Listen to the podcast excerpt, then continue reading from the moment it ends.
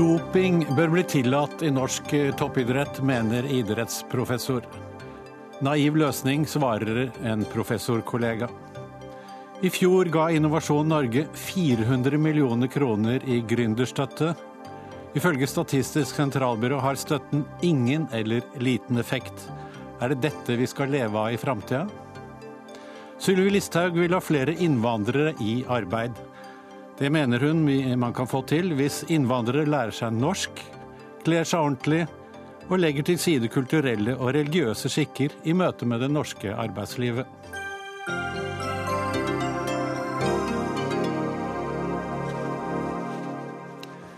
Velkommen til Dagsnytt 18, i dag med Anders Magnus. Hva om vi tillater doping i stedet for å straffe, og så passer vi bare på at utøverne blir medisinert og kontrollert av et støtteapparat? Jan Ove Tangen, professor i idrettssosiologi ved Høgskolen i Sørøst-Norge. Du er med oss på linje fra kontoret vårt i Bø i Telemark. Hvor mye kjeft har du fått i dag for å mene dette? Eh, jeg har ikke fått så mye kjeft, men fått en god del oppmerksomhet. Det er helt klart. Hvorfor mener du dette er veien å gå? Jo, fordi at eh, For først, La meg først si at, at, dette er ikke noen ny diskusjon, egentlig. For det hadde vært flere andre som har sagt dette tidligere. Eh, det er internasjonale kollegaer som har sagt det. Så, så, jeg er ikke sånn sett den første. Eh, Det kan kanskje virke sånn, men det er jeg ikke. Men jeg sier dette fordi at toppidretten har nå utvikla seg slik at, at nå prøver alle tilgjengelige midler for å prestere stadig bedre. Eh, både lovlige og ulovlige midler. Og Det kan være for alt fra liksom å, å, slipe skiene for å få best mulig feste, til å bruke en bestemt type tannkrem for å, å ikke risikere at denne energidrikken ødelegger tannemaljen, og bruke næringsdrikk som egentlig er beregnet på kreftpasienter. Og nå i siste har det vært dette med astmamedisin osv. Så, videre. så man beveger seg langt inn i gråsonene, og noen ganger så tråkker man over disse gråsonene. Og Det som er problemet, syns jeg, det er at plutselig så er det da det, eh, den individuelle utøver eller den enkeltperson som plutselig sitter og har ansvaret for alt dette. Selv om vi alle er med på å drive dette fram, altså vi som publikum, vi som sponsorer, som massemediefolk, som politikere, er jo med på å skru forventninger til toppidretten i, i himmelhøyt. Og, og, det er klart, I den situasjonen der så er det flere som burde vært stilt til ansvar enn den enkelte utøver. Hvordan eh, mener du dette kan gjøres i praksis? Jo, jeg mener i praksis kan dette gjøres ved at vi da overlater Hvis vi da skal beholde dopingregimet, for å ta den først, så kan vi overlate til eh, politi og påtalemyndighet. fordi det er jo forbudt ved norsk lov at, at, å bruke doping. Og Det betyr at ansvaret for etterforskning og domsavsigelse det ligger da i, hos politiet og påtalemyndigheten. Og så kunne vi avvikle da Antidoping Norge og, nå, og, og den påtalemyndigheten som ligger der, og domsutvalget i, jo, men Nå ville du at uh, doping skulle være tillatt. Hvordan skulle man ja, da gjøre det? Jeg, så kommer jeg til det. Og Da er, betyr dette her at man da åpner for å bruke doping under medisinsk kontroll blant toppidrettsutøvere. Og igjen, Da kan man altså da, legen i samtalen med utøveren finne fram til hva som er den optimale bruken av det og det stoffet for å kunne prestere best mulig. Og, og da blir det altså et, et medisinsk Alle stoffer skal altså, være tillatt? da?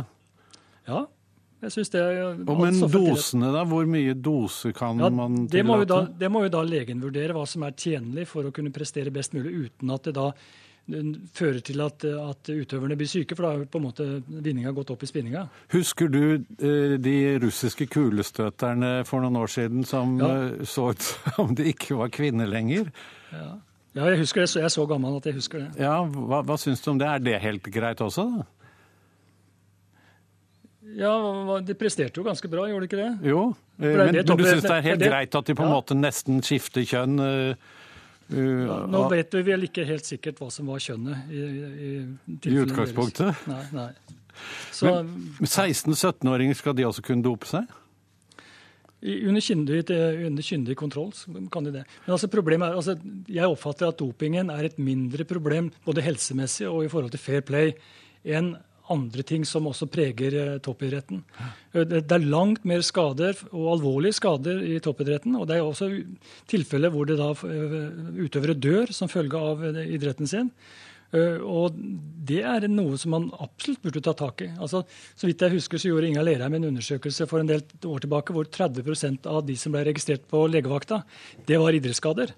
Og, det er, og det Transportøkonomisk institutt beregna dette til ca. 10 milliarder årlig i samfunnskostnader.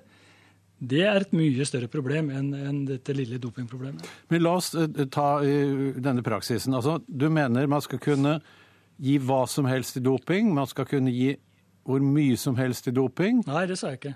Nei, Men Eh, hvordan skal man avgrense det? Jo, Legen må vurdere.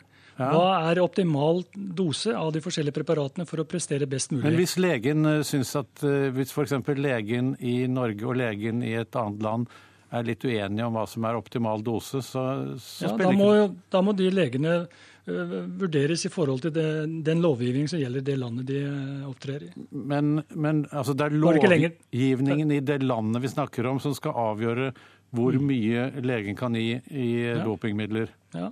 Men da blir det jo veldig forskjell mellom landene, da? Ja, men det er det jo allerede. Altså, nå er det jo slik at det er de ressurssterke landene og de rike landene som tar de aller, aller fleste medaljene i et OL. Eh, og de har også da ressurser nok til å forske på andre nye dopingpreparater som da ikke er mulig å spore. Mens de fattige landene oppnår sjeldent altså noen medaljer. I tillegg må de bruke gammeldags doping og risikerer da mye eh, oftere å bli tatt i doping. Så du mener at dette kan være en hjelp til de fattige landene? At de kan bruke nei, mer nei. doping og så det, konkurrere det, det, bedre med de rike landene? Men den urettferdigheten som gjelder mellom de rike og fattige landene, den er betydelig verre sånn rent etisk sett fra mitt ståsted enn denne diskusjonen om doping. Mm. Tror du at legene vil være mest eh, påpasselig med helsen til utøverne, eller mest påpasselig med idrettsledernes krav om å, om å vinne? Jeg har tillit til at legene følger den hippokratiske ånden. Og at, og over hele verden? Over hele verden. Det tror jeg. Sigmund Loland, du er professor ved Norges idrettshøgskole. Hva synes du om disse tankene? Her er det veldig mange ting å ta tak i, men la meg begynne med det jeg tror er det viktigste, og det er vår grunnleggende forståelse av hva toppidrett handler om. Eh, Tangen argumenterer ut fra et syn der toppidrett handler om å prestere mer. Det er toppidrettens logikk å vinne for enhver pris.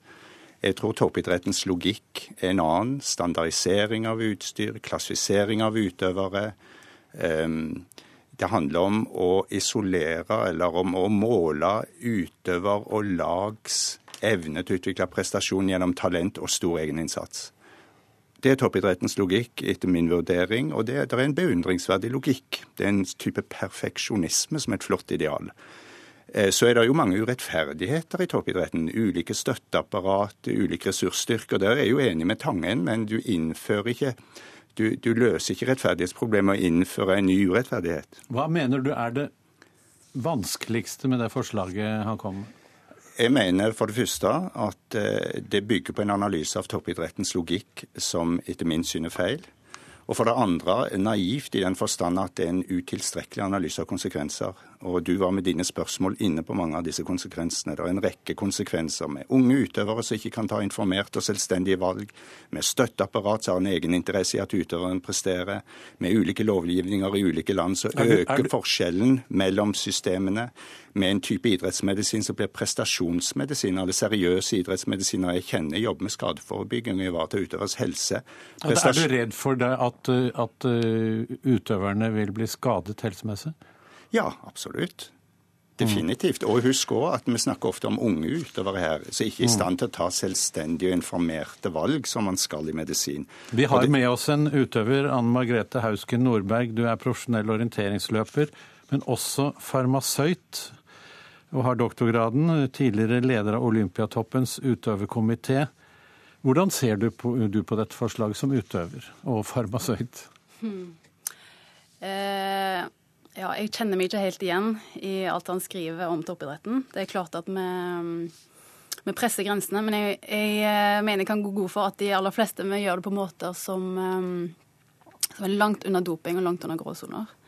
Eh, det handler om trening, det handler om spesifikke mesterskapsforberedelser som skal gjøres best mulig. Det handler om å være rå på skadeforebygging, rehabilitering og um, Altså når det gjelder doping, så det føles fjernt for de fleste av oss. Uh, hvis vi ja, Er det bare et sånn moralsk uh, indignasjon du har, eller er Nei, det altså jeg tenker på samfunnet for øvrig. Eh, svært få tror jeg har vurdert å sette et skudd heroin.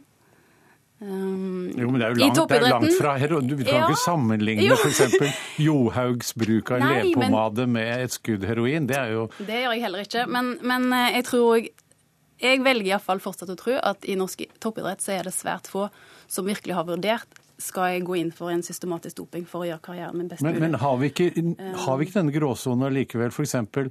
i Norge så er det forbudt med høydehus mm. på lavlandet. Mm. Men, men allikevel, altså Eh, norske idrettsutøvere har så mye penger, så de kan reise til Alpene, de kan reise til Chile på høydetrening midt på sommeren i snø.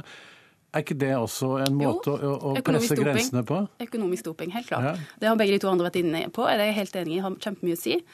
Men burde ikke det også være urettferdig, da? Og, og, og forbudt? Jo, men det er klart at vi utøvere ønsker en rettferdig konkurranse. Eh, og skal vi få det, så må vi minimere risikoen for um, for urettferdighet. Og En av måtene å gjøre det på er å drive det antidopingarbeidet som man gjør i dag. Ja, Men disse andre tingene som, eh, som eh, også det har vært inne på i dette innlegget til Tangen, eh, mm. er, det ikke, er, presser vi ikke, er vi ikke inne i en gråsone her? Ja, altså Simen var vel inne på at man gjør ikke ting mer rettferdig ved å innføre enda en urettferdighet. Tangen, jeg har lyst til å trekke fram noe som du skriver i denne denne kronikken din. Du sier at astmasaken utfordrer også meg som forsker til å tenke igjennom om det virkelig er fornuftig å forby doping i toppidretten. Hva tenker du på der? Jo, jeg tenker på det at Etter hvert så har eh, antidopingarbeidet og, og, alle disse reglene som man nå har lista opp i, i WADAs dopingliste, det gjør det veldig vanskelig å vite til enhver tid hva som er eh, eh, forbudt, hva som ikke er forbudt. Altså, den melodonium-saken som var da ved, ved, nyttårsskiftet, viste jo det at når da WADA skiftet eh, over fra å tillate til å forby melodonium, så var det en del utøvere som ble tatt. Og, og sånt skifter det veldig ofte. Og når man da også i tillegg har det for flere sånne preparater og medikamenter, så blir det etter hvert veldig, veldig vanskelig å og vite helt om det er innafor eller utafor. Og ikke minst dette her at når det er såpass tilfeldig, og det også viser seg at disse akkrediterte dopinglaboratoriene heller ikke er til å stole på helt. Noen ganger så får de falske positive svar, noen ganger får de falske negative svar. Og det rammer utøvere på en helt annen måte enn ellers hvor det er i laboratoriet, hvor de da kanskje tar prøver av, av, syke mennesker, og man har falske positive falske negative der også. Mm. Det, fall, det, det, slår ut på en helt annen måte, en helt annen dramatisk måte. Og det mener jeg er uetisk. Loland, eh, denne astmasaken eh, hvor man altså bruker medisin på friske utøvere. Er vi ikke her inne i nettopp den gråsonen som Tange snakker om? Jo, definitivt. Altså, Ingen regelsystemer etterleves perfekt. Vi har lover i samfunnet, noen bryter de. Også, og, Norge har også utfordret disse reglene og grensene? Da. Ja, altså jeg mener, det vi vet om astmasaken i langrenn, høres ikke så bra ut. Nå er det denne berømte komiteen som jobber med saken og ser inn i fakta. Men hvis det utvikler seg en idrettsmedisinsk kultur som stadig presser grenser og medisinerer utøvere uten diagnoser, så er vi klart inne i en gråsone, og det er ikke bra i det hele tatt. Det er ikke et argument mot dopingreglene. Altså Det at regler brytes, og at du har gråsoner, er, er jo ikke et godt argument mot lovverket, hvis det ellers er gode argumenter for lovverket. Regler brytes i alle sosiale systemer, også i idretten. Men altså, dette, dette, dette, lovverket, dette, lovverket, er jo etablert med utgangspunkt i at det da dels er helseskadelig og dels er urettferdig. Og Det er der jeg mener at lovverket er altfor dårlig fundert i forhold til eh, det som foreligger av eh, forskning og refleksjon. La, la, meg bringe inn Hausken Nordberg, for du snakket om å sette skudd heroin. La oss ta noe som er mye mer eh, hverdagslig. Kaffe og cola i blanding brukes ofte av idrettsutøvere for å få liksom en boost uh, under prestasjoner. Hvis du drikker litt for mye kaffe, så er lovgrensen Hvis du holder deg under en viss uh, mengde, så er du lovlig. Er ikke det veldig rart? Nå blir man vel ikke tatt for kaffe lenger. Um, den, den grensen ble fjernet. stoffet er under overvåkning, så vidt jeg husker. Uh, men det har blitt brukt. Jeg velger selv å ikke bruke det. Men, um, men viser ikke dette bare hvor tilfeldig og rart dette regelverket er? Jeg opplever det ikke som tilfeldig. Um, og ja, jeg kjenner heller ikke helt igjen den beskrivelsen av, av det enorme presset og alle disse pengene og alt som er rundt toppidretten, som, som blir beskrevet i den kronikken her i dag, det, den tar liksom ikke helt høyde for mangfoldet i toppidretten, syns jeg. da. Ser du på Norge, da, så har vi noen ganske få idretter som har relativt mye penger involvert. ikke sant? De har TV-tid, de har sponsorer, pengepremier og store støtteapparat. Det her tingene, De følger jo hverandre. Mens uh, hvis vi tenker at Norsk idrettsforbund har, Norges idrettsforbund har 54 særforbund, um, så tror jeg vel at de fleste idrettene de har ikke, eller nesten ikke, TV-tid, sponsorer, premiepenger, store støtteapparat. Uh, en helt annen hverdag, f.eks. For, for meg som o-løper, at de beste utøverne går kanskje i null, uh, ofte i minus. Eh, det er helt andre ting som driver oss enn disse pengene, denne oppmerksomheten. Eh, og vi har heller ikke liksom, disse pengene eller oppmerksomheten å tjene på å dope oss. Mm. Eh, så for meg er denne virkelig ganske fjern, og mm, jeg tror jeg snakker for ganske mange andre av våre toppidrettsutøvere. Tangen, helt til slutt. Tror du at disse tankene dine, som kanskje virker nokså fremmede på det store flertallet av både befolkningen og idrettsutøverne, at de kommer til å vinne fram over tid? Nei. Nei, du tror ikke det? Nei, det tror jeg ikke. Hvorfor ikke det? Det var ikke det litt rart at du ikke du tror det? Nei, fordi det er såpass mange interesser som er kobla inn mot utviklingen av toppidrett. Alle særlig seg tjent med at vi skal ha en toppidrett.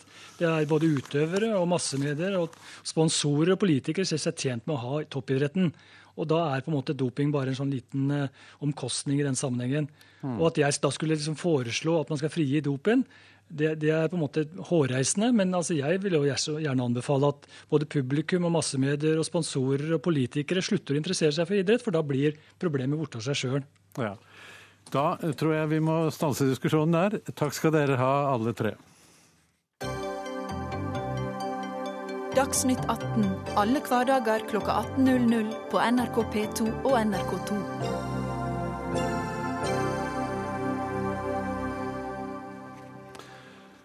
Denne uken eh, samles gründer, investorer og etablerte selskaper på innovasjonskonferansen Oslo Innovation Week eh, for å forandre verden, slik eh, konferansen selv beskriver det. Men forandre Innovasjon Norge verden ved å skjenke millioner til nye håpefulle gründere? Ikke noe særlig, skal vi tro en rapport fra Statistisk sentralbyrå. De fant ingen effekt av gründerstøtte på selskapenes verdiskaping og produktivitet og en svak positiv effekt på salgsinntekter og antall ansatte. Pål Næss, eh, du er gründerdirektør i Innovasjon Norge. 1500 selskaper fikk i fjor om lag 400 millioner kroner i såkalt etablerertilskudd, som altså har liten effekt ifølge Statistisk sentralbyrå. Syns du likevel det er vel anvendte penger? Det syns jeg. Jeg tror eh, For selskapene du spør, så har det stor effekt. Det er også over 3000 ja, Det blir jo lønn, da.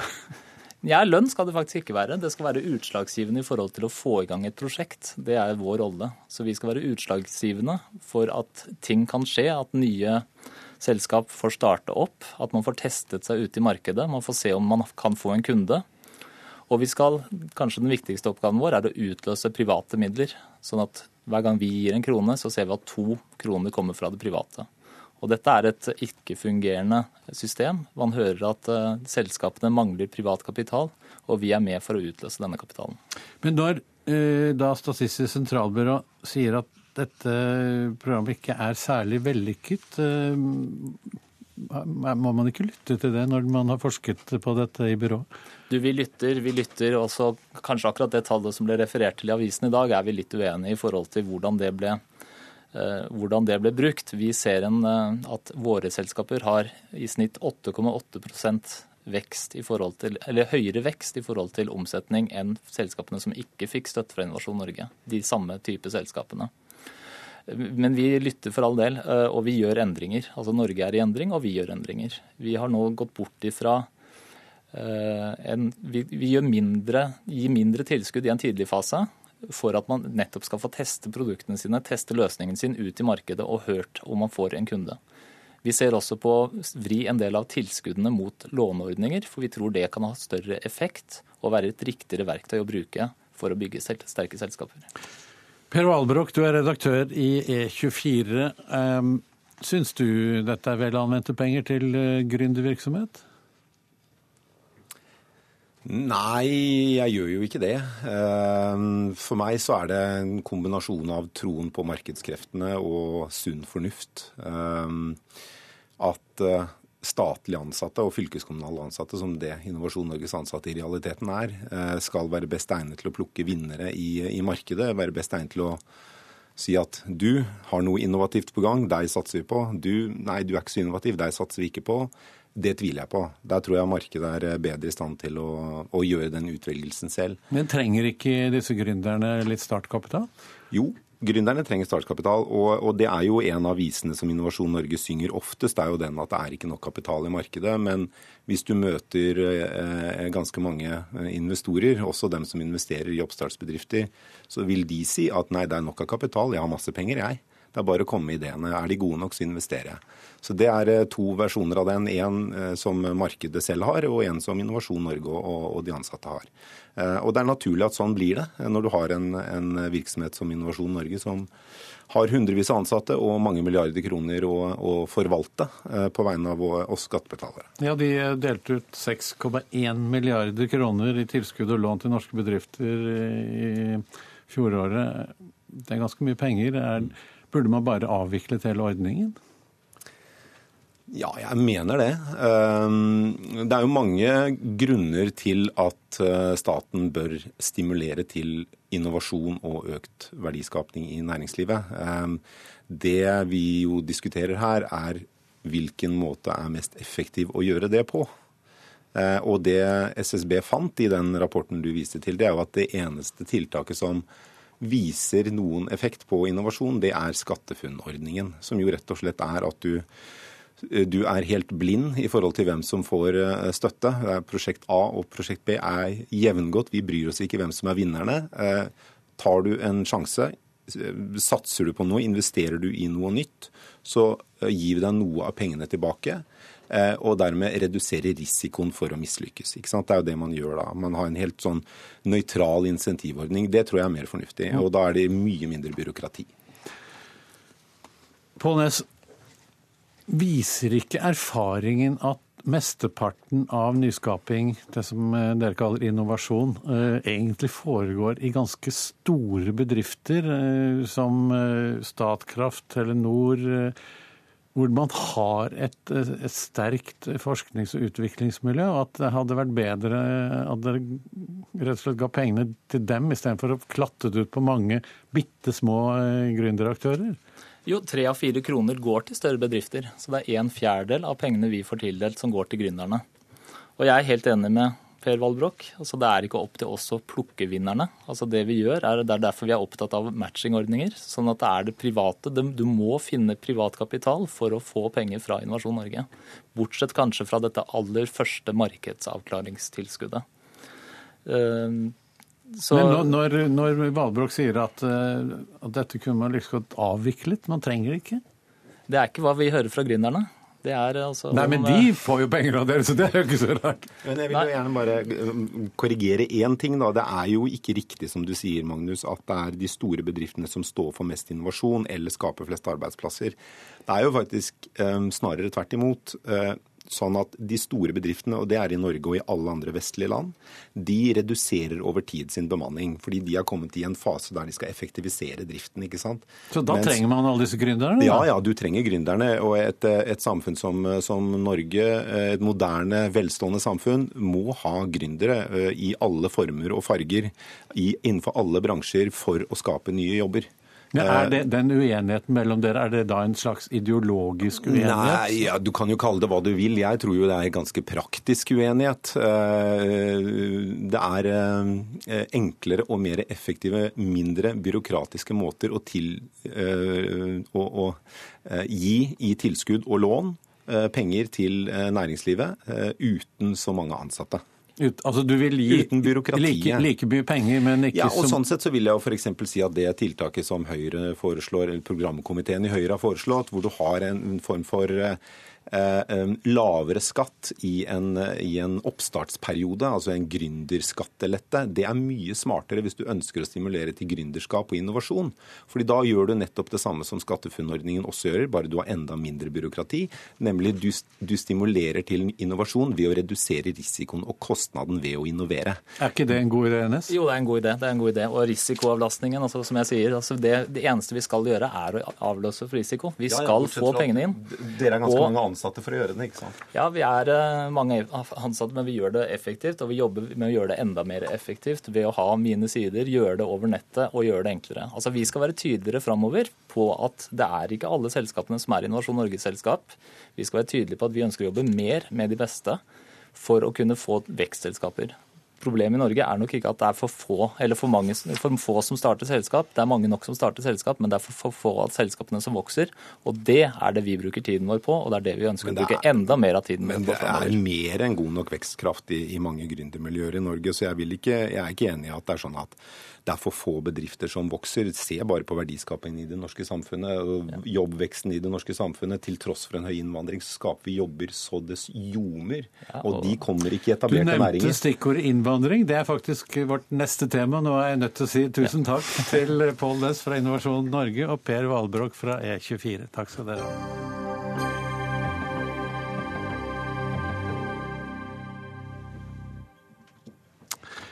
Flere innvandrere må ut i arbeid, var signalet fra regjeringen da den åpnet eh, sin nasjonale integreringskonferanse i Oslo i dag. Eh, velkommen eh, til Sylvi Listhaug, innvandrings- og integreringsminister. Forskeren Lars Østby i Statistisk sentralbyrå skriver en rapport i mai i år at integreringen av innvandrere i Norge går rimelig bra. Er du fornøyd også? Det er mye som går i riktig retning, men det er klart det er for mange som står utenfor arbeidslivet. Og det å ha jobb er veldig viktig for integreringa. Det å få kollegaer på jobben er jo en viktig innfallsport til å forstå det norske samfunnet. Det er en viktig innfallsport for å greie å brødfø familien sin, ikke havne i fattigdomsfella, som vi ser at en del gjør. Ca. halvparten av barna som lever i lavinntektsfamilier er i innvandrermiljø. Og det er klart Dette er veldig viktig framover at vi greier å gjøre noe med. For det henger jo sammen med altså Har ikke du inntekt, så får ikke du kjøpt bolig. Har ikke du inntekt, så, så sliter man. Sånn at Derfor så er det så viktig den arbeidsrettinga vi nå legger opp til av introduksjonsordninga. Lære det norske arbeidsmarkedet å kjenne. Eh, og at han i stadig større grad legger trykk på dette med egeninnsats også. For det er klart at vi må legge til rette, men så må man også gjøre mye egeninnsats sjøl. Og det snakka vi mye om i dag på integreringskonferansen. Og jeg tror de aller fleste som var til stede der, var helt enige om det. Og det er en fellesnevner for de som lykkes godt i Norge, det at de har gjort en formidabel innsats sjøl. De har ikke gitt opp. Det er klart det er ikke noe dans på roser alltid det å skaffe seg en jobb. Eh, men når han ikke gir opp, så ser vi det at veldig mange til slutt lykkes, og det er veldig bra. Du snakker om arbeid, og eh, det er det viktigste for integreringen. Da har vi en, eh, en statistikk her fra Statistisk sentralbyrå over sysselsatte blant flyktninger over ti, de siste tolv årene, faktisk. Og da, den ligger, ligger i starten litt under 50 så går den svakt opp. I 2008 så går den ned igjen til under 50% i dag. Og Den har ligget sånn hele den tiden. Du har vært i regjering, og nesten eh, likt eh, hele tiden. Eh, uh, partiet til Sylo Taraku, Arbeiderpartiet, også satt i regjering. Uh, Sylo, hva kommer det av at, uh, at det ikke du er, leder, du er, ansatt i Tankesmien Agenda. Hva kommer det av at ingen regjering klarer å endre på denne prosentsatsen? Altså, det har noe, eh, noe, med strukturelle eh, faktorer her. Jeg er enig i at egen innsats er veldig viktig, men når eh, integreringsministeren legger så stor vekt på insentiver, så skapes det et inntrykk av at det er manglende motivasjon som er et stort problem. Men det som er det viktigste, den viktigste forklaringen, er at mange av de som kommer, har ikke de kvalifikasjoner som det norske arbeidsmarkedet eh, etterspør. Det blir stadig større konkurranse om stadig færre eh, jobber, eh, også tenker på lavkvalifiserte jobber.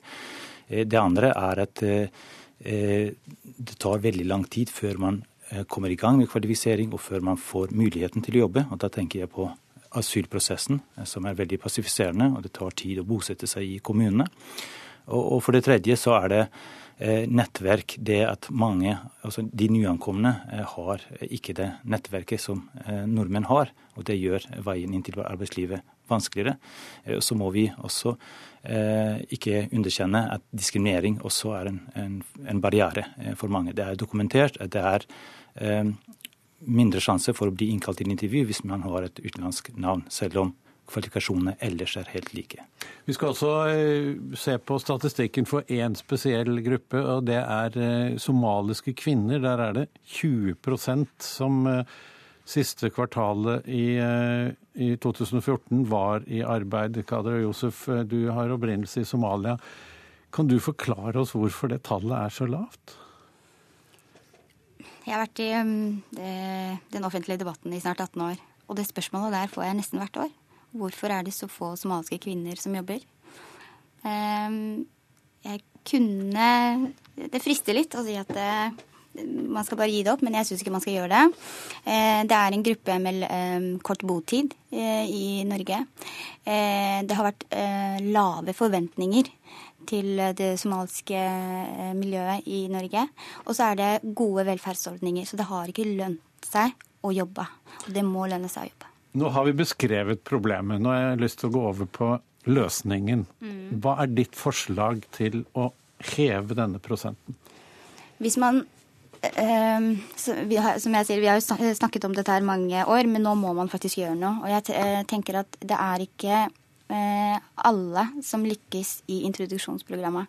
Det er ikke alle som har forutsetning for å lære seg et nytt språk ved å sitte på skolebenken. For veldig mange flyktninger som kommer spesielt fra Somalia, som, har, eh, som er analfabeter, så lønner det seg heller kanskje mer eh, å gå rett ut i eh, jobber uten formelle utdannelser. Eh, restaurant, vaskejobber. For det, at det er mye enklere sted å lære seg det norske språket enn å sitte på en skolebenk. Sånn at man må begynne å tenke litt nytt hvordan introduksjonssystemet er skrudd sammen. Og det er jo Silvi sin jobb. Ja, det kan vi ta, la utfordringen gå rett til deg. Går det an å gjøre det på den måten? Vi er nødt til å skreddersy mer. Vi er nødt til å se den enkelte personen. Hva slags forutsetninger har man? Hva slags utdanninger har man fra før? Hva har man gjort før i livet? Og hva kan vi legge til rette for, slik at vedkommende kan lykkes? Og Det er jo helt riktig som Sylo her sier, at veldig mange av de som kommer, har lite eller ingen utdannelse. Og Da er det en lang vei å gå i vårt arbeidsmarked, for der er det mange jobber for de som har lang utdanning, og det er veldig få jobber for de som ikke har utdanning. Det blir færre jobber for de som ikke har utdanning, men det blir jo stadig flere som skal konkurrere om de samme jobbene. Det er både innvandrere, det er ungdom som detter ut av skolen, det er personer som av andre grunner har dødd ut av arbeidslivet. Så Derfor så er jeg helt enig i det som blir sagt her, at det individretter dette her mer. Eh, også det med å få mer arbeid inn i introduksjonsordninga. Hvordan skal du gjøre det? Nei, Det er gjennom at man bruker språkpraksis ute på arbeidsplassen, ved at man bruker arbeidspraksis som en del av introduksjonsordninga, eller for de der man ser at det vil være det viktigste, starte en utdanning gjennom introduksjonsordninga, sånn at man kanskje kan få seg en jobb i, i, i neste ende. Eh, så, så, jeg mener at disse tingene her er vi jo nå i gang med å legge om, det er veldig viktig. Men så handler det også om da selvfølgelig eh, at man tilpasser seg det norske arbeidslivet. Jeg bruker den somaliske trebarnsmora som har vært portrettert i Dagbladet, som har tatt busslappen. Kjempebra. Hun har fått seg jobb som bussjåfør. Da måtte hun ha på seg bukse for å kunne få den jobben der. Det gjorde hun. Og jeg tenkte Det er bare et bilde på at man må også tilpasse seg noe for at det man skal kunne komme inn i arbeidslivet. Det uh, Kadra, Josef, dette med klesdrakt. Altså, det har vært mye diskusjon om nikab, men la oss glemme det. Det er, det er et problem som ikke angår noe særlig mange. Men derimot, tradisjonelle klær, eh, tradisjonelle somaliske, afrikanske, asiatiske klær, spesielt kvinner bruker mye det også i Norge. Er det et hinder for å få seg jobb? For eh, hvis du går på jobbintervju eller hvis du opptrer i sånne klær, burde man, burde man endre det? Um, um. Jeg, jeg, tror at uh, klesdrakt i ikke skal eh, være problem, og ikke burde være det. Eh, men det er klart at det er forskjell på hva du går i på jobb, og hva du går i ellers sånn at um, det hun somaliske jenta som Sylvi snakker om, gjorde, var at hun måtte tilpasse seg jobben sin. Der gikk man med bukse, og det gjorde hun. Sånn at man må liksom man må, Alle må tilpasse seg de kodene som gjelder på arbeidslivet hele tiden. Og for somaliske kvinner så må det gjelde det samme. At hvis du må gå i bukse på jobben, så gjør, så gjør man det. Og ja. Sylo, du har også vært opptatt av disse kulturelle barrierene? Ja, og eh, den, det eksempelet vi nevner med den somaliske kvinnen, eh, på en måte illustrerer at man møter barrierer både fra storsamfunnet, for hun får motstand fra eh, etniske nordmenn også, for at hun bruker hijab på jobben, men også barrierer fra miljøet sitt. Også det å jobbe også, kan være også et problem for noen. Eh, de, de, kan, de, kan, møte motstand og kritikk for det. Eh, men når det gjelder klær, eh, så, så tenker jeg at det under disse integreringsprogrammene vi har, så kan det være nyttig å komme med informasjon og tips om, om hva som øker sjansene for å få jobb. Men jeg mener det altså Integreringsministeren bør være litt varsom med hva man problematiserer, og hvilke signaler man sender både til muslimene, når man nå også problematiserer klær, og ikke bare nikab eh, f.eks. Eh, og hvilke signaler man sender til arbeidsgivere, som kan føle det mer legitimt nå å legge vekt på den type ting. Tror du ikke vi, de gjør det uansett, da? Altså, eh, vi har hatt en positiv utvikling. For en del år siden så eh, Hotel Plaza f.eks. De eh, nektet kvinner med hijab å jobbe, og begrunnet det bl.a. med profileringshensyn, markedsføringsmessige hensyn. De mente det ville skade eh, på en måte hotellets omdømme. Eh, hvis de hadde ansatte med hijab, så ble det reaksjoner, bl.a. fra Likestillings- og diskrimineringsombudet. og Så endret de det og, og gjorde noen tilpasninger. Eh, nå har de ikke noe problem lenger. De har ikke mistet kunder av den grunn. Det er normalt at de har ansatte med, med hijab. Så vi bør ikke altså, problematisere alt mulig. Men du Ja, vær så god. Eh, um men, men, jeg tenker liksom at, eh, at det blir et, et slags privilegiumspørsmål privilegiumsspørsmål da. Hvis man sier at eh, jeg har ikke lyst til å jeg har ikke lyst til å ta den jobben fordi at jeg har ikke lyst til å gjøre det. Det er, det er bare i Norge man kan gjøre det. At man vet at det er en velferdsstat her som, som kan hjelpe deg ut. Hvis du ikke tar jobben? Hvis du ikke tar jobben. Mm. Jeg tenker at det må man si høyt og tydelig, liksom. At velferdsstaten er til alle. Det er alle må putte inn, og alle kan eh, ta ut når man trenger det. Sånn at en, en, en oppdragende, oppdragende rolle i det er veldig viktig, da. Så akkurat det er jeg enig i. For det er forskjell på hva slags klær man har. Eh, og det, noe annet er å bruke religiøse eh, argumenter for å nekte jobb som Nav tilbyr deg. For det, det, må ikke være slik at man helt uten videre bruker religion som, som, som, som en årsak for å nekte Eh, å ta seg en jobb og, og få på en måte skattebetalende for, for, å betale for det. Eh, Nav bør eh, være tydeligere eh, der. Er, er, er, er de tydelig nok, Lyshaug? Jeg mener det at det er en vei å gå, det med å stille krav, og at vi kanskje har vært litt for eh, naive i en del år. Vi hørte jo faktisk dag Unni Wikan snakke om 90-tallet. Den gangen så ble du sett på rasist, som rasist hvis du ønska å sette krav til de som kom i Norge. Det er klart Debatten er gått veldig langt siden det, og det skal vi være veldig glad for. Og jeg mener det er viktig å ta opp de vanskelige spørsmåla. Og det er klart det med hvordan man tilpasser seg det norske arbeidsmarkedet, er et sånt vanskelig spørsmål. Eh, som jeg mener at vi må diskutere, og ikke bare på en måte avfeie. For det er klart at det har en betydning. Og det vi ser er at det er altfor mange kvinner som står utenfor arbeidslivet. Det er mange flere kvinner enn menn som ikke er i arbeid. Og vårt samfunn er jo på mange måter bygd opp rundt at du må ha to inntekter for å ha en bærekraftig økonomi i familien. Spesielt hvis du bor i de store byene eller i, i, i strøk der bokostnadene er veldig store. Så Derfor så må vi gjøre det vi kan nå for å få flere inn i jobb, eh, og sikre at de har de kvalifikasjonene som er nødvendige. Men det er ikke noe quick fix, det tar mange, mange år. Det, det kan tyde på det, men eh, eh, la oss snakke litt om et nytt tiltak som eh, din regjering har eh, iverksatt, eller skal, er i ferd med å iverksette, nemlig de såkalte eliteasylmottakene. Sule Taraku, du liker ikke den måten man å gjøre det på? Jeg syns det tiltaket er lite gjennomtenkt. Det er god tanke, men det vil føre til mer byråkrati. Eh, mindre eh, kapasitetsutnyttelse i mottakssystemet. Du har også sagt at man har prøvd det før og at det ikke har virket? Ja, differensiering i mottakssystemet er blitt prøvd før med primærmottak, sekundære mottak, og det fungerte ikke.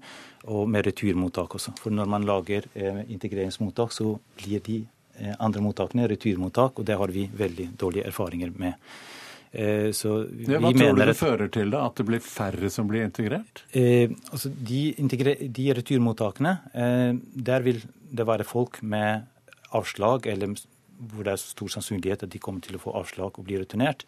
Eh, og når du samler dem på, på, et sted, så fører det til mer frustrasjon og større konfliktnivå. Vi har dårlige erfaringer eh, med det. Eh, vi mener at aktivisering og og integreringstiltakene bør skje i alle mottak. At alle bør få et meningsfylt liv. Og det kan være også viktig investering også i returarbeidet. At man ikke bryter ned mennesker, men at man dem, eh, holder dem aktive. Og kanskje de blir også eh, bedre og det er lettere også å bli reintegrert i hjemlandet når man blir returnert. Hva sier du til denne kritikken, Listhaug? Jeg mener jo dette er en veldig god idé. For det vil gi oss muligheten til nå å teste ut det å starte tidlig med norskopplæring, starte tidlig med det å lære norske verdier, lover og regler, starte tidlig med at barna kommer inn i barnehage, at vi da prioriterer pengene, for dette koster jo tross alt penger, for de som etter stor sannsynlighet får være i Norge, det mener jeg er fornuftig. Det er jo ikke sånn at vi har en utømmelig sekk med penger i Norge som vi kan bruke heller på dette området. Derfor så må vi prioritere, og da syns vi at integreringsmottak vil være en god løsning.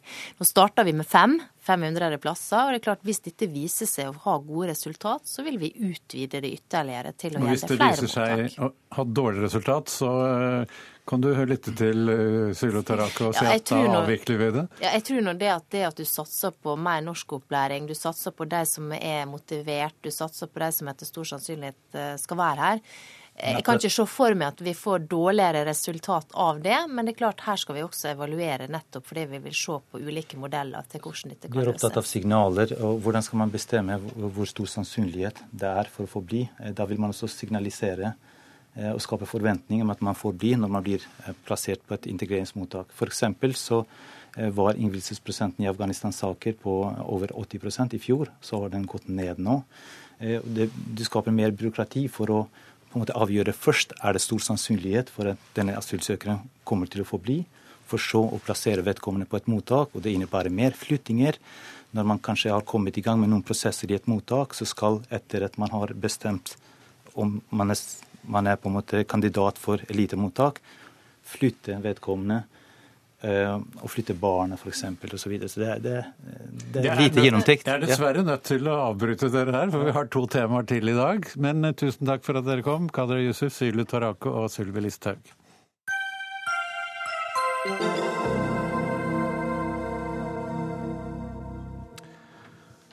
Skal finansminister Siv Jensen gå for det trygge valget med lav risiko og sikker avkastning for oljefondet, eller tørre å ta større risiko, slik at vi kan bli desto rikere?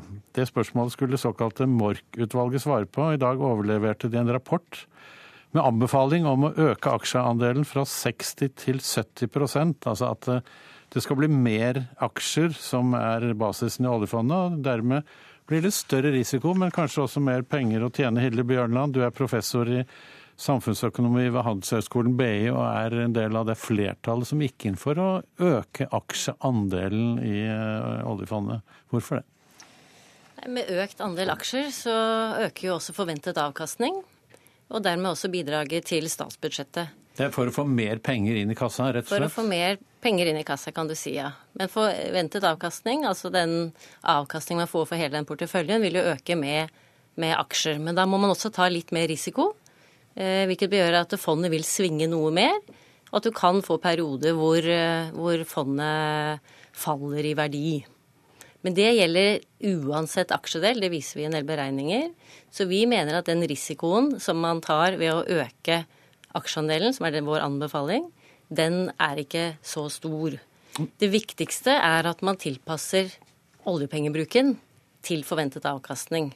Sånn at man bruker, bruker litt lengre tid på å øke oljepengebruken når verdien på fondet øker, og litt kortere tid når verdien faller. Altså at man skjærer gjennom svingningene i fondet.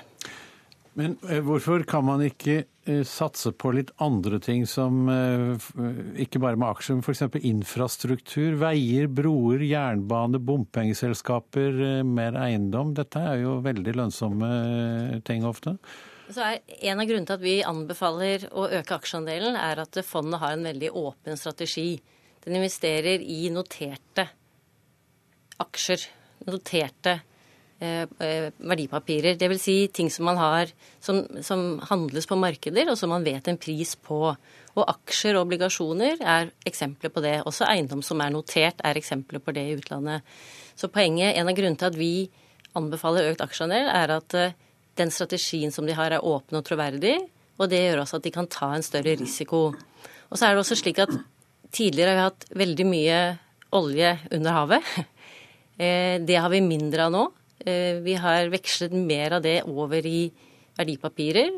Hvilket betyr at vi har en mindre risiko på hele petroleumsformuen. Altså hvis vi tenker på både det som er under havet, og det som er eh, allerede investert i finanspapirer. Så nå kan man tillate seg å ta en litt mer risiko den veien, og dermed også få en høyere forventet avkastning.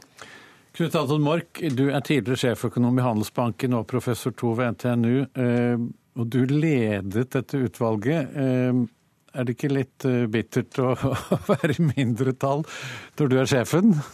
Det syns jeg ikke er noe poeng å snakke om her. Men du gikk inn Du ville gå den motsatte veien, fra 60 som er dagens situasjon, til en aksjeandel på bare 50% Hvorfor det? Det jeg legger vekt på, er eh, forutsigbarheten i eh, de bidragene til statsbudsjettet som kan komme på fondet. Eh, tar en høy risiko, så vil det bidraget bli nødt til å variere. Jo mindre risiko, jo mindre får du variasjon der. Dette var ikke særlig tatt hensyn til da en heva aksjeandelen forrige gang, for ti år siden, fra 40 til 60% Det kan også ha vært naturlig. Eh, for den gangen var ikke fondet så veldig stort, og derfor var heller ikke bidragene til statsbudsjettet veldig store. I dag er de det. Eh, og hvis fondet nå skulle falle f.eks. 10 eh, så hvilket vi må regne med at det gjør i gjennomsnitt sånn ca. hvert tredje år. Ja, et fond som er verdt 7000 milliarder, så betyr det 700 milliarder mindre i fondet. Og hvis en nå skulle regne f.eks. 4% av det, som vi har vært vant med å regne, så er det plutselig 28 milliarder mindre i statsbudsjettet. Eh, det syns jeg er et problem. Vi har et behov for forutsigbarhet når det gjelder skattesatser, eh, når det gjelder offentlige tjenester. Hvis jeg skal sette det litt på spissen, så ønsker jeg ikke en situasjon eh, der utviklingshjelp, bevilgninger til regnskogen eller bidrag til sommerfestivaler skulle måtte skjæres ned pga. dårlig avkastning i fondet et år. Men hvis man har en mindre aksjeandel, så må man sette pengene andre steder. Og, det vil bli mest sannsynlig i flere rentepapirer, eller obligasjoner som det også kalles. Nå er, jo, nå er jo rentesituasjonen både i Europa og andre deler av verden nokså vanskelig. Renten er Eh, ned mot null. Noen steder er faktisk negativ rente, slik at noen av de obligasjonene som eh, oljefondet eier, der må, får de ikke penger inn i fondet. De må tvert imot betale penger ut av fondet til obligasjonseierne. Er ikke det en større langsiktig risiko? Eh, at man kan risikere at dette blir rentesituasjonen over flere tiår framover? Ja, men det er jo ingen risiko. Det er slik det er. Ja, Men da blir det veldig lite penger i hvert fall? Det kan du si. Men det er ingenting her i verden som er gratis. Og vi må forholde oss til virkeligheten sånn som den er. Og eh, jeg har lyst til å understreke at hele utvalget er enige om at et lavt rentenivå er i seg selv absolutt ingen grunn til å ta mer risiko. Eh, vi har sett eksempler på eh, andre investorer som har prøvd å ta sjanser for å kunne få mer, bare for å kunne få mer penger og ta mer risiko. Og det har dessverre gått gærent. Eh, og det ønsker ingen av oss, at den norske stat eh, skal opptre på den måten. Kort til slutt, eh, Bjørnland. Er det redselen for disse lave rentene som gjør at dere vil ha mer i aksjer? Nei, Det er det at man får høyere forventet avkastning ved å ha mer aksjer. Og så mener vi politikerne har vilje og evne til å tilpasse finanspolitikken til svingningene ved å skjære gjennom disse svingningene og bruke mindre når fondet øker i verdi, og ha litt mer igjen å bruke når det faller i verdi. Det mener vi det er politisk vilje til. Du har stor tro på politikerne. Takk skal dere ha, Hilde Bjørnland og Knut Anton Mork. Hør Dagsnytt 18 når du vil. Radio NRK Radio.nrk.no.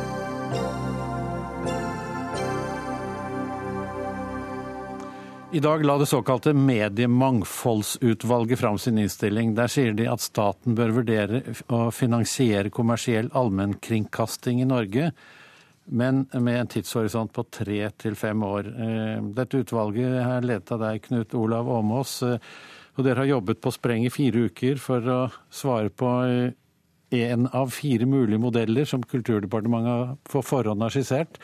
Hvorfor valgte dere akkurat denne? Valgt og valgt. Vi kommer ikke med noen klar anbefaling eller noen konklusjon. Vi argumenterer og vurderer pro et kontra, for og imot, alle fire modellene. Og så får politikerne se på eh, hva vi har gjort, om det er noe der de kan bruke. Men det, denne, Du kaller det ikke en anbefaling, men det er i hvert fall, dere har landet på én som dere mener regjering bør vurdere. Hva, hvorfor går dere inn for akkurat at det skal bli støtte til nyhets- og eh, aktualitetsproduksjon i lineær TV utenfor Oslo? Det er litt mer komplisert enn det. Det er ikke slik at vi går inn for eller lander på noe. Men hvis eh, det offentlige, staten, ser det slik at eh, man vil redusere risikoen for et dårligere tilbud innenfor kommersiell allmennkringkasting de neste årene, med redusert bruk og redusert innhold, Eh, så kan det være tilrådelig fortsatt å støtte en lineær kommersiell eh, allmennkringkaster. Så vi har noen forutsetninger her. Det er, eh, det er fortsatt politikerne som, som, må, som, må, bestemme hva som skal skje. Ja, altså, bare for å forklare det. Lineær TV det er det som vanligvis skjer når folk skrur på TV-apparatet og følger med det som akkurat er på lufta akkurat da. Mm. Og det vet vi at det blir jo mindre og mindre. Er det noe mm. poeng å holde på med det der, da? Ja, altså Foreløpig er eh, denne typen TV et eh, stort fenomen i Norge, med store brukergrupper som eh, tilbringer veldig mange timer per dag. Det er helt riktig som du sier at lineær TV ser ut til å være i klar tilbakegang. Den prosessen vil ta tid. Så det vi tenker er at i en overgangsfase, hvis staten, Stortinget, vil opprettholde en sterk eh, kommersiell allmennkringkaster i Norge, så, så, så det, finnes det argumenter for å, å, å støtte en eh, eller gi kompensasjon til en kommersiell allmennkringkaster også på lineær TV, så stort som det fortsatt vil være noen år. Tre til fem år, antyder vi. Det er, Vi har med oss Olav Sandnes, du er sjefredaktør og administrerende direktør i TV 2. Og Du har selv vært med i dette utvalget. Har du skrevet eh, en, eh, ikke konklusjon, men en vurdering som eh, passer veldig godt for TV 2? Nei, jeg har, jeg har, ikke skrevet dette selv, men vi har jo vært med å diskutere det i, sammen med et, et bredt nedsatt utvalg. Men det passer det jo, godt for dere, denne løsningen her? Det vi var glad for nå i dag, det var jo at også eh, eh, Mediemangfoldsutvalget anerkjenner at kommersiell allmennkringkasting har en viktig samfunnsfunksjon i Norge i 2016. Harald Strømme, du er sjef i Discovery og TV Norge og konkurrent med TV 2. Hva tenker du om mulig statsstøtte til f.eks. TV 2? Jeg mener vel at det både er eh, feil diagnose og feil medisin. Eh, jeg tror det vil eh, svekke mediemangfoldet og ikke, ikke styrke det. Det vil være klart konkurransevridende. Det er jo det hele tatt en, en litt uheldig politisk prosess, synes jeg. Først behandlet Stortinget bygger på en rapport som var et partsinnlegg og bestillingsverk fra TV 2. Ja, Det var skrevet av en professor ved Norges handelshøyskole? Ja, og Stortinget bygget sin, sin, behandling på den. og så og så er jo saken drevet fram av Hordalandsbenken som ren distriktspolitikk. Og nå altså, jeg har medfølelse med Åmås, da, som sitter der og blir tvunget til å levere noen hattebetraktninger under et tidspress. Han er jo fra Odda, da, så det er Vestland, det også? Er svært, er svært ukomfortabel med. Og, og, I dette utvalget sitter altså TV 2 selv, men ingen av TV 2s direkte konkurrenter. Det er ingen bombe at utvalget ikke avviser denne ansvaret for støtte. Men, men, men, det er grunn til å sette spørsmålstegn om dette er måten norsk uh, mediepolitikk skal utformes på. Du, du sier det at eh, noe av bakgrunnen for uh, dette forslaget om statsstøtte til TV 2 ligger i en rapport som TV 2 selv fikk utarbeidet eh, ved Norges handelshøyskole hos en professor der. Så har dere i TV Norge også fått en rapport fra to professorer ved samme institusjon, NHH, og de kommer til motsatt konklusjon? Ja, eh, dette er to av de fremste ekspertene i landet på, på medieøkonomi. Eh, poenget er jo at TV 2 er allerede markedsleder i Norge og har vært det i snart 25 år. Eh, og Det skyldes jo nettopp i stor grad den allmennkringkastingsprofilen de har etablert, og en veldig sterk merkevare. Som er sterkt knytta til nyheter og aktualitet. Men, men den, denne utredningen At de kan ta mer betalt for hver seer enn det vi gjør. Den, denne rapporten på, på, på doping, det vil svekke mediemangfoldet, ikke styrke det. Denne rapporten som eh, dere fikk utarbeidet, eh, så vidt jeg skjønner, så viste den at, eh, at det er lønnsomt å drive med nyhets- og aktualitetsproduksjon? Ja, som jeg akkurat sa, det gjør at vi kan ta mer betalt for hver serie enn en, en vi gjør. Men hovedproblemet med, med, med, å gi støtte som løsning, er jo at det er umulig å avgrense effekten. Altså Det TV 2 sparer inn eventuelt på nyhetsproduksjon, vil kunne brukes til å kjøpe dyre sportsrettigheter eller lage underholdningsprogrammer eller økt utbytte til Egmont. Altså det er som å helle vann i et badekar. Du kan ikke øremerke vannet til et hjørne av karet. Uh, I Danmark har de prøvd seg på dette, gi statsstøtte til TV 2, men de måtte jo til slutt tilbakebetale over en halv milliard fordi EU konkluderte med at sånn støtte var ulovlig. Sanne, uh, uh, Sandnes, er det lønnsomt eller er det ikke lønnsomt å drive med nyhets- og aktualitetsproduksjon? Nei, det er uh, Nyhetene til TV 2 gjør ikke at vi kan ta en høyere pris, sånn som Strømme her sier. Og jeg, jeg, vet ikke helt hvor jeg skal starte, for det er så mange ting han sier. Men jeg tror det er viktig å minne om hvem vi representerer. Harald Strømme representerer et Discovery, børsnotert globalt selskap. Uh, som har ett formål, og det er å tjene så mye penger som mulig. Hans sjef tjente 1 milliard kroner, altså 1000 millioner kroner, i 2014. Og det oppdraget det jobber Harald Strømme veldig bra med, og det har jeg respekt for at det er hans oppdrag. Vi har også et kommersielt oppdrag, men vi har i tillegg et allmennkringkasteroppdrag. Og det ønsker vi å forvalte på en ordentlig måte. Vi er også eiet av Egmont i Danmark som eier én TV-kanal. Og de, Sjefene der har også veldig høye lønninger? Og Sjefene der har også høye lønninger, eh, men ikke i nærheten av det Harald Strømmes uh, sjefer har. Men det er ikke men det som er, er hovedpoenget. Er det lønnsomt Hoved... eller ikke å drive med nyheter? Eh, nyheter, å drive med nyheter i det omfanget vi driver med, har en stor kostnad. Og de store kommersielle allmennkringkasterforpliktelsene har kostnader. Så det har vært anerkjent siden 1992 har det vært en kompensasjon for de forpliktelsene vi påtar oss som kommersiell allmennkringkaster. Og spørsmålet nå er jo ikke om det skal være kommersiell allmennkringkasting eller ikke. Stortinget vedtok det i februar. Nå har regjeringen fått i oppdrag å finne ut av hvordan de skal legge til rette for det. Ja, og Åmås, er det mulig å øremerke vann som skal i et hjørne av badekaret? Det kan tenkes er mulig. Det, det, må departementet nå jobbe videre med. Men vi, la oss ikke bare snakke om lederlønninger og bransje. Eh, det er borgerne som eh, også kommersiell allmennkringkasting er til for. Og eh, dersom politikerne velger den modellen som per i dag ligger tettest på vedtaket i Stortinget i vår om, om, å, om å, ha et offentlig kjøp av allmennkringkastingstjeneste. Hvis det skulle bli resultatet, så mener vi at staten bør kreve daglige nyhetssendinger, men også norske debattprogrammer og norske dokumentarer så det kan bli en ganske god allmennkringkaster i, i så måte. Og jeg er ikke i tvil om at uh, kommersiell allmennkringkasting i Norge de siste 25 år har styrka mediemangfoldet i Norge.